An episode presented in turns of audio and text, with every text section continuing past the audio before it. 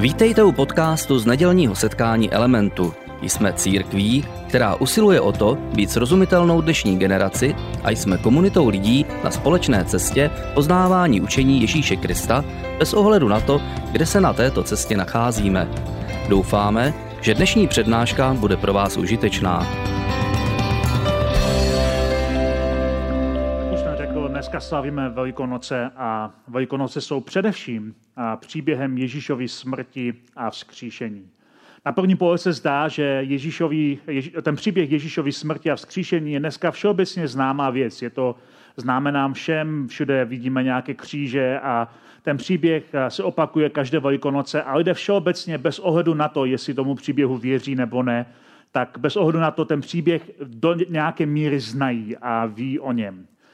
My se dneska na ten příběh podíváme z perspektivy vrcholku hor, protože máme sérii, kterou jsme nazvali Mountaintop Experience a mluvíme o tom, že historie se eh, formuje eh, často na vrcholcích hor. A tak předtím, než se dostaneme k samotnému eh, příběhu Velikonoc a tomu, co se stalo na vrcholcích hor na Velikonocích, tak jenom velmi rychle vás uvedu do děje, o čem vlastně mluvíme, když mluvíme o perspektivě vrcholku hor.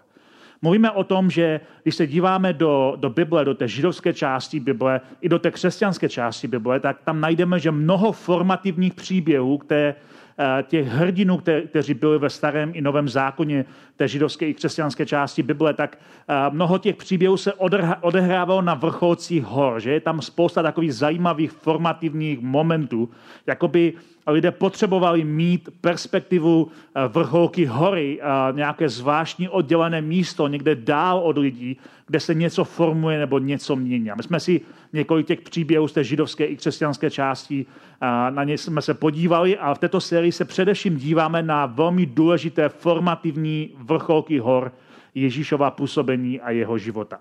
A zatím jsme v naší sérii mluvili o, o tom, jak Ježíš začíná své veřejné působení a mluvili jsme o tom, že na začátku je pokoušený ďáblem na, na vrcholku hory a je pokoušený k tomu, aby získal celý svět nelegálním způsobem, nelegální cestou.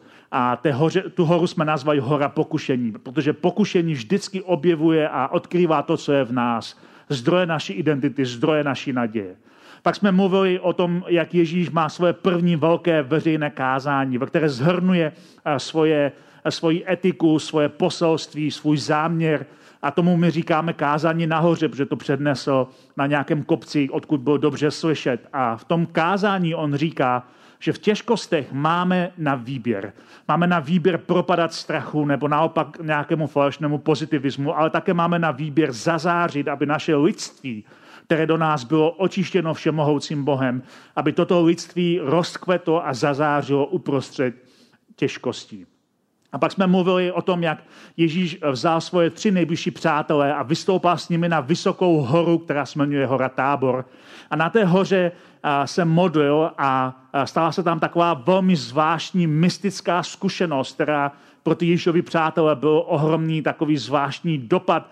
A zatímco se Ježíš modlil, tak se jeho vzeření změnilo a on se rozzářil a najednou se tam objevil Mojžíš a Eliáš jako reprezentanti starého zákona, Mojžíš jako reprezentace zákona a Eliáš jako reprezentant proroků a rozmluvali společně s Ježíšem a protože tam došlo takové zvláštní proměně, tak tu horu nazýváme hora proměnění. A právě od té hory promění se náš příběh láme. Do té doby Ježíš dělá spoustu zajímavých věcí. Vyučuje, uzdravuje, krmí zástupy, dělá prostě zázraky a lidé za ním rádi jdou, poslouchají jeho vyučování, jsou rádi okolo něj. Ale hora proměnění, něco se v ní láme. Od toho momentu v Ježíšově příběhu se změní ten soundtrack, který hraje na pozadí. Změní se to, co se děje. Najednou jakoby začínají znít jiné tóny, takové jako když ve filmu víte, že se chystá k nějakému zlomu a nastává trochu jiná hudba a vy víte, že to někam směřuje, že nějak to vyvrcholí, že nějak to dopadne. Je tam nějaká nervozita a je tam něco, co přijde. A bylo to právě na hoře proměnění, kde to začalo. A my jsme si minulý týden o tom říkali a říkali jsme si, že Lukáš popsal ten příběh z hory proměnění tak, že říkal, a hle, mluvili tam s ním dva muži. Byli to Mojžíš a Eliáš, kteří se ukázali ve slávě a mluvili o jeho odchodu, k němuž mělo dojít v Jeruzalémě. A mluví s ním o něčem konkrétním, co se má stát v Jeruzalémě, o jeho odchodu. Jinými slovy, mluví o tom, co se, co se děje právě na tomto víkendu. Mluví o něm, co se děje na víkendu, který my dneska nazýváme Velikonoční víkend. Mluví o tom s ním, co se stalo na ten jedinečný víkend, co se mělo všechno udít. Pozbuzují ho a podporují ho, ale to bylo přesně to, kde nastává ten nový soundtrack očekávání. A najednou cítíme, když čteme Evangelia, tak od toho momentu cítíme takovou zvláštní nervozitu která je ve vzduchu. Je to nervozita, taková tréma, kterou máme každý z nás v různých životních situacích, kdy eh, má přijít něco nového a my nevíme přesně, jak to dopadne. Je to taková ta tréma, kterou má člověk, když jde na první rande s někým. Je to taková ta tréma, když má člověk poprvé veřejně vystoupit před lidmi. Je to tréma, kdy cítí určitou nervozitu z toho, co přijde, ale ne, nevyhnutelně to k tomu směřuje. A je to tréma od toho, co víme, že se stane, že to tam všechno směřuje a zároveň nevíme, jak to bude doopravdy vypadat. Ježíšovi učedníci mají, mají trému, protože mají jasno, v úzovkách mají jasno. Jejich představě Mesiáš je, a už jsme o tom mnohokrát tady mluvili, je vojevůdce. Mesiáš je někdo, kdo svrne okupantskou armádu a kdo znovu vysvobodí Izrael aby Izrael byl svobodný národ. V historii toho už bylo mnohokrát.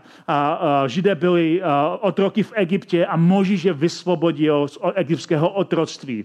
Byli, byli, byli odvlečeni do, do, zajec, do zajectví Babylona, byli v exilu babylonském a Nehemiáš a Ezdráš a další postavy je přivedli zpátky do, do Izraele. A teď mají Řím. Řím, který je okupuje, Řím, který vládne, Řím, který stělesňuje pohanství, který stělesňuje všechno špatné, co je v jejich očích. A v jejich představě Bůh se chystá je osvobodit od nečistých lidí, nečistých národů. V jejich, jejich představě pohané reprezentují nečistý lid. Oni sami sebe vidí jako lidi, kteří jsou připraveni být božím lidem. A v jejich očekávání Mesiáš má uchopit vládu a právo do svých rukou. Takže učedníci čekají, že to brzy praskne, že se brzy něco stane, jako by něco bylo ve vzduchu. A někteří z nás, kteří si pamatujeme dobu těsně před pádem komunismu na konci 80. let nebo od poloviny 80. let, tak si pamatují, že takováhle atmosféra byla u mnohých lidí v naší zemi kdy cítili, že něco praskne, že něco je ve vzduchu. Sovětský vůdce Gorbačov vysílal různé signály, které byly jiné, než vysílali sovětští vůdcové do té doby. Umožnil věci, které do té doby nebyly možné. A pak začalo postupně kolem nás, se začaly ty systémy a režimy hroutit. A lidé čekali, bylo to ve vzduchu, že něco praskne. Určitě to praskne, jen nevíme kdy a nevíme jak. Ale určitě to brzy praskne.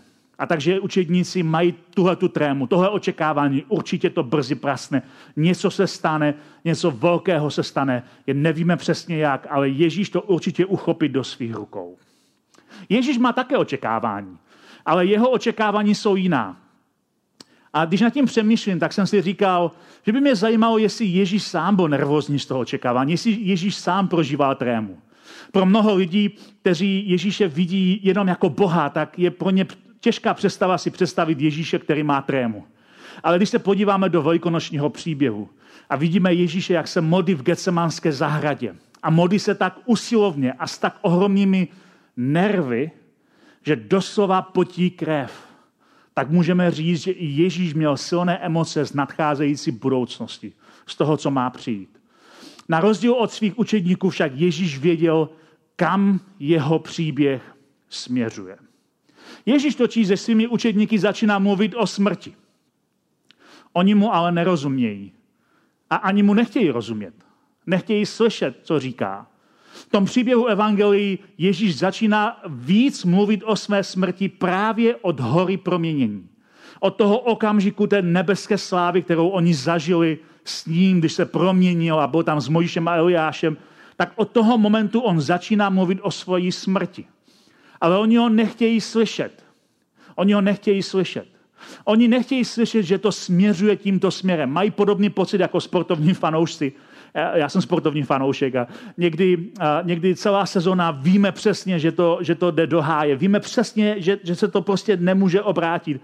Ale jako správní sportovní fanoušci věříme v zázračný obrat, že jeden gól, jedno utkání to změní a najednou bude zázračný obrat. A oni vidí, jak Ježíše jeho protivníci chtějí zničit, ale věří, že nastane zázračný obrat.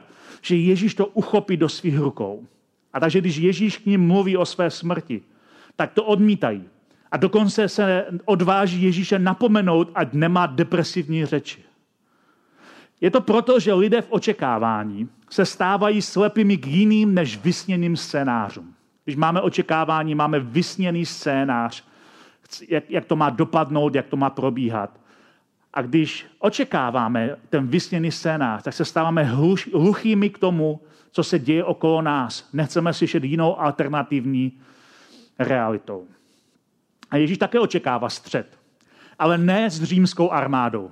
Ježíš očekává vítězný střed se silami temnoty.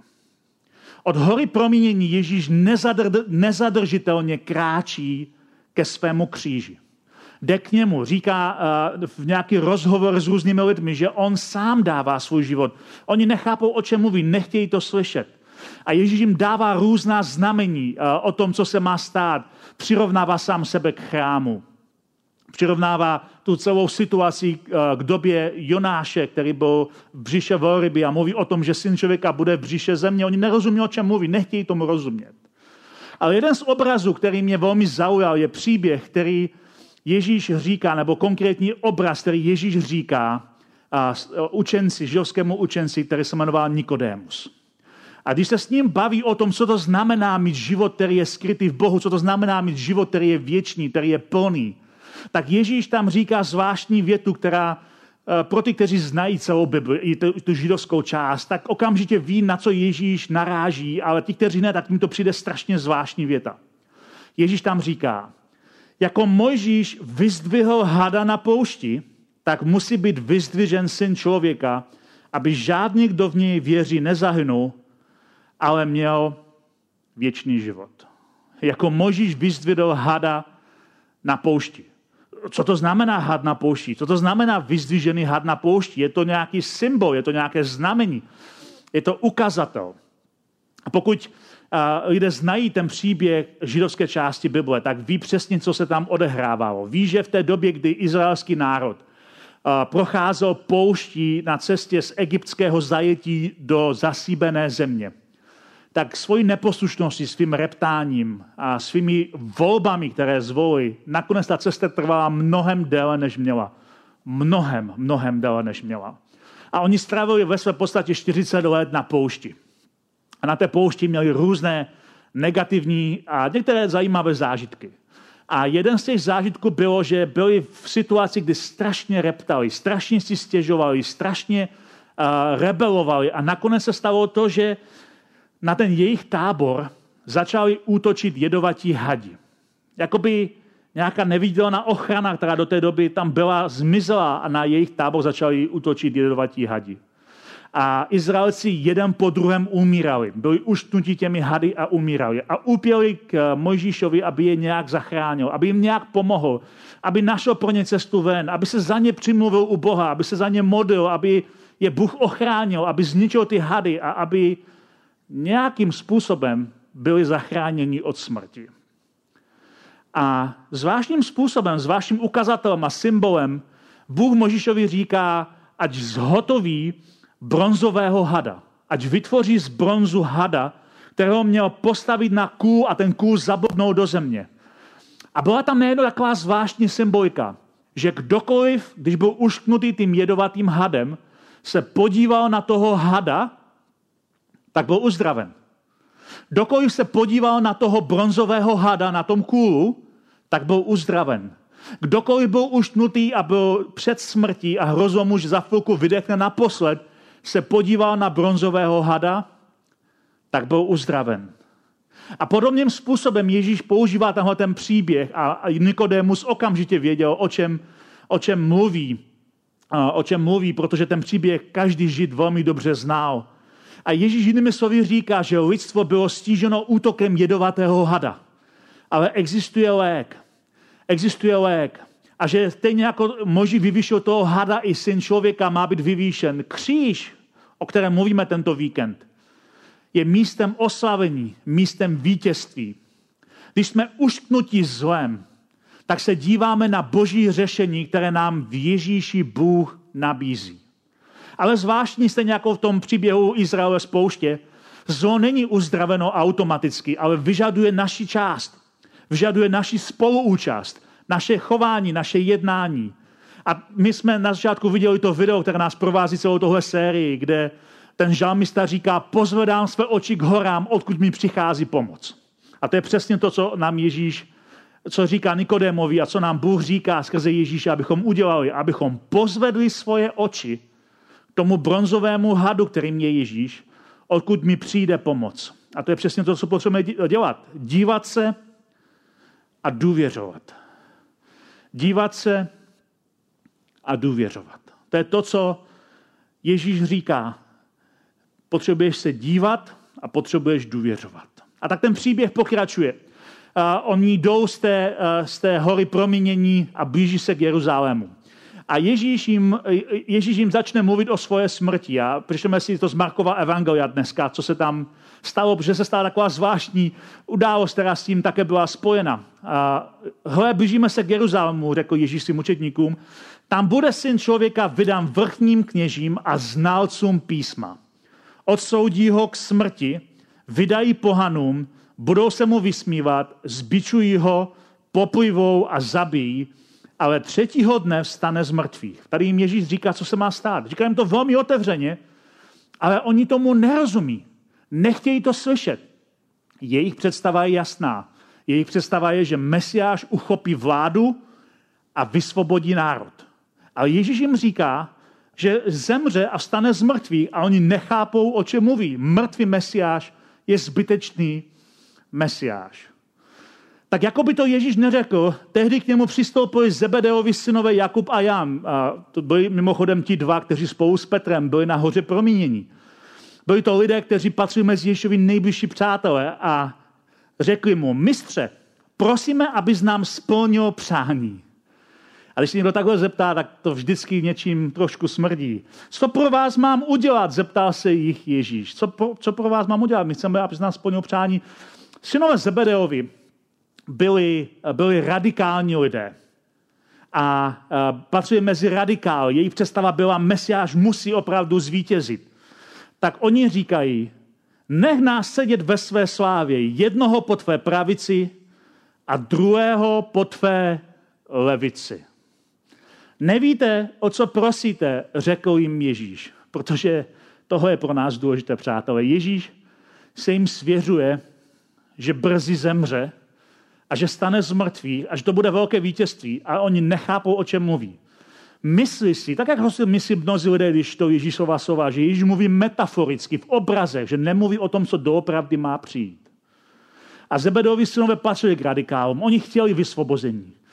A jejich, jejich pointa byla, až Ježíš usedne ve své slávě, až se stane tím mesiášem, tím novým králem Izraele a postaví si vládu a posadí se do čela stolu, tak já, Jakub, chci sedět po jedné straně a já, Jan, my jako dva bratři chceme sedět po druhé straně. Jeden jiný evangelista říká, že ve skutečnosti poslali svoji maminku, aby přednesla žádost, protože to je nejlepší způsob, jak zmanipulovat Ježíše přes maminku. Postavili uh, to jednoduše, my chceme být po tvé pravici a levici, až ty budeš ve své slávě.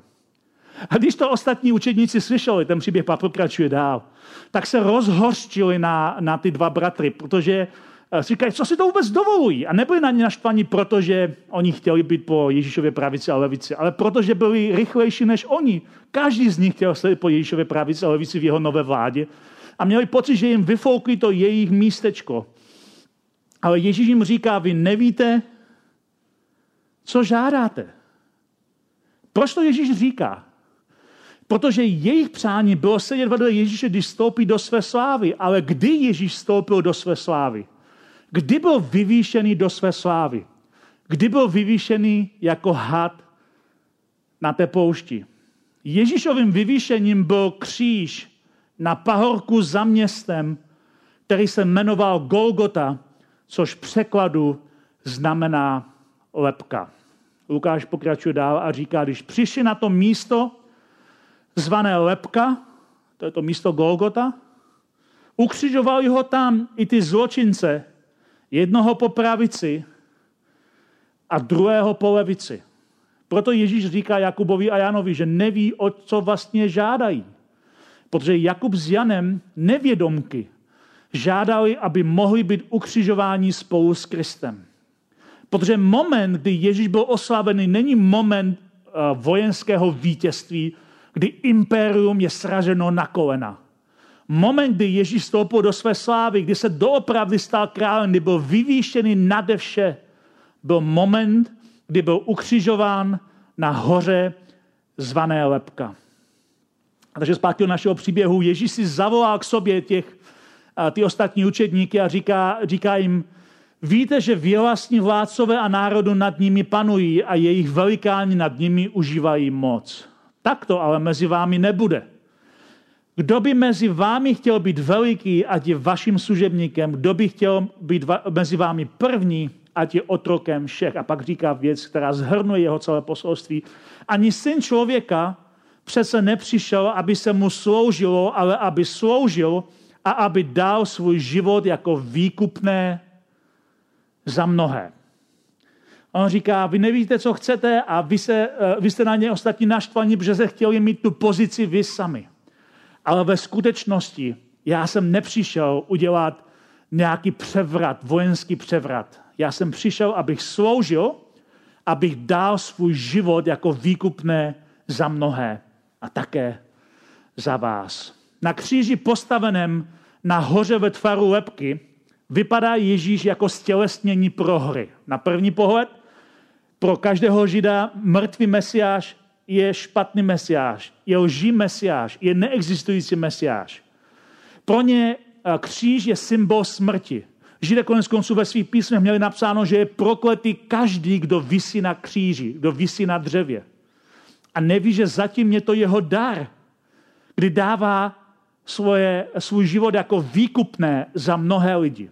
Ježíš na jednom jiném místě říká, až budu vyvýšený, přitáhnu všechny k sobě.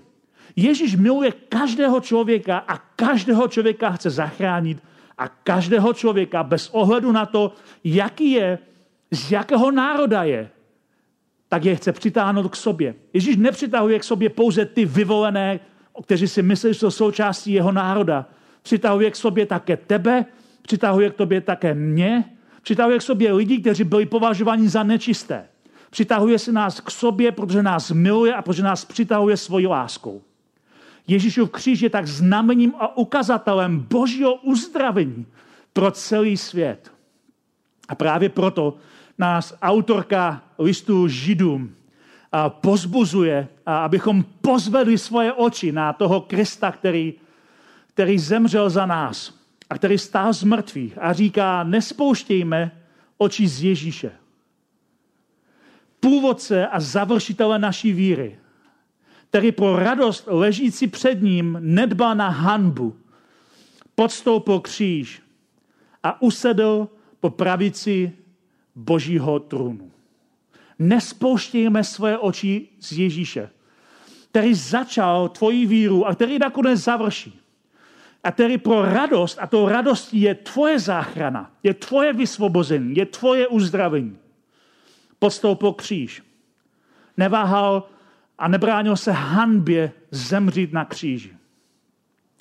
Proto kříž na hoře ve tvaru lepky je také finálním vítězstvím, které je maskované jako porážka.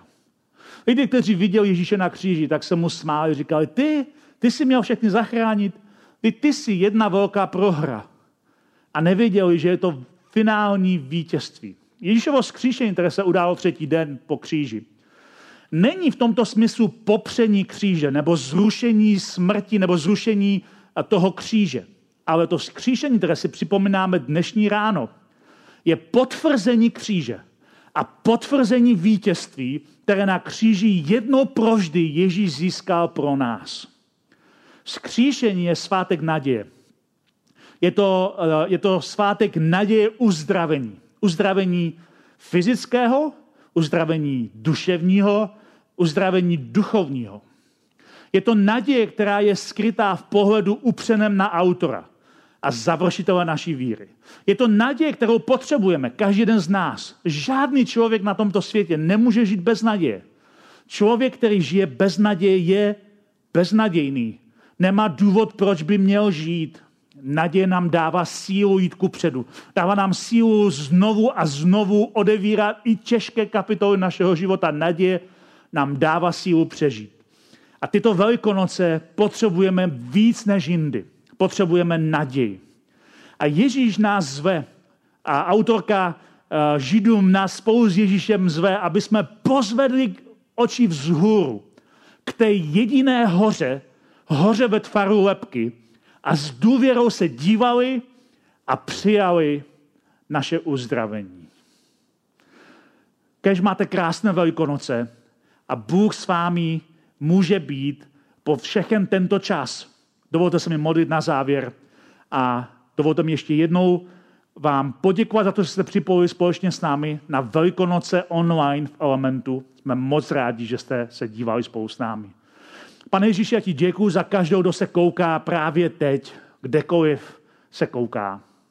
Jsem ti vděčný za to, že přestože tvoji učedníci to nechápali a my to často nechápeme úplně stejně.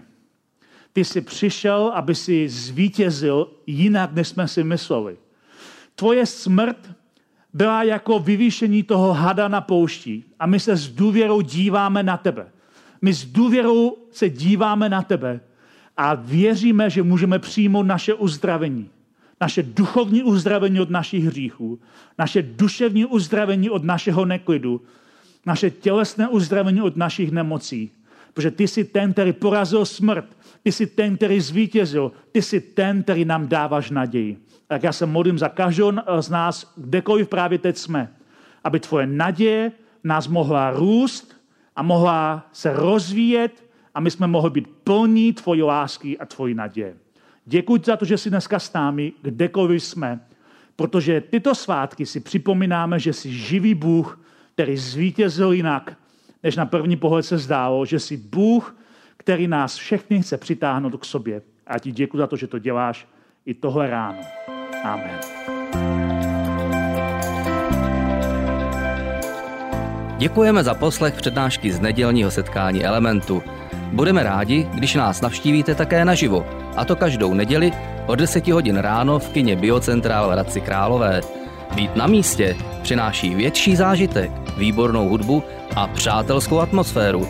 Více informací o našich aktivitách najdete na webu element.cx nebo na Facebooku Element Hradec. Těšíme se na vás.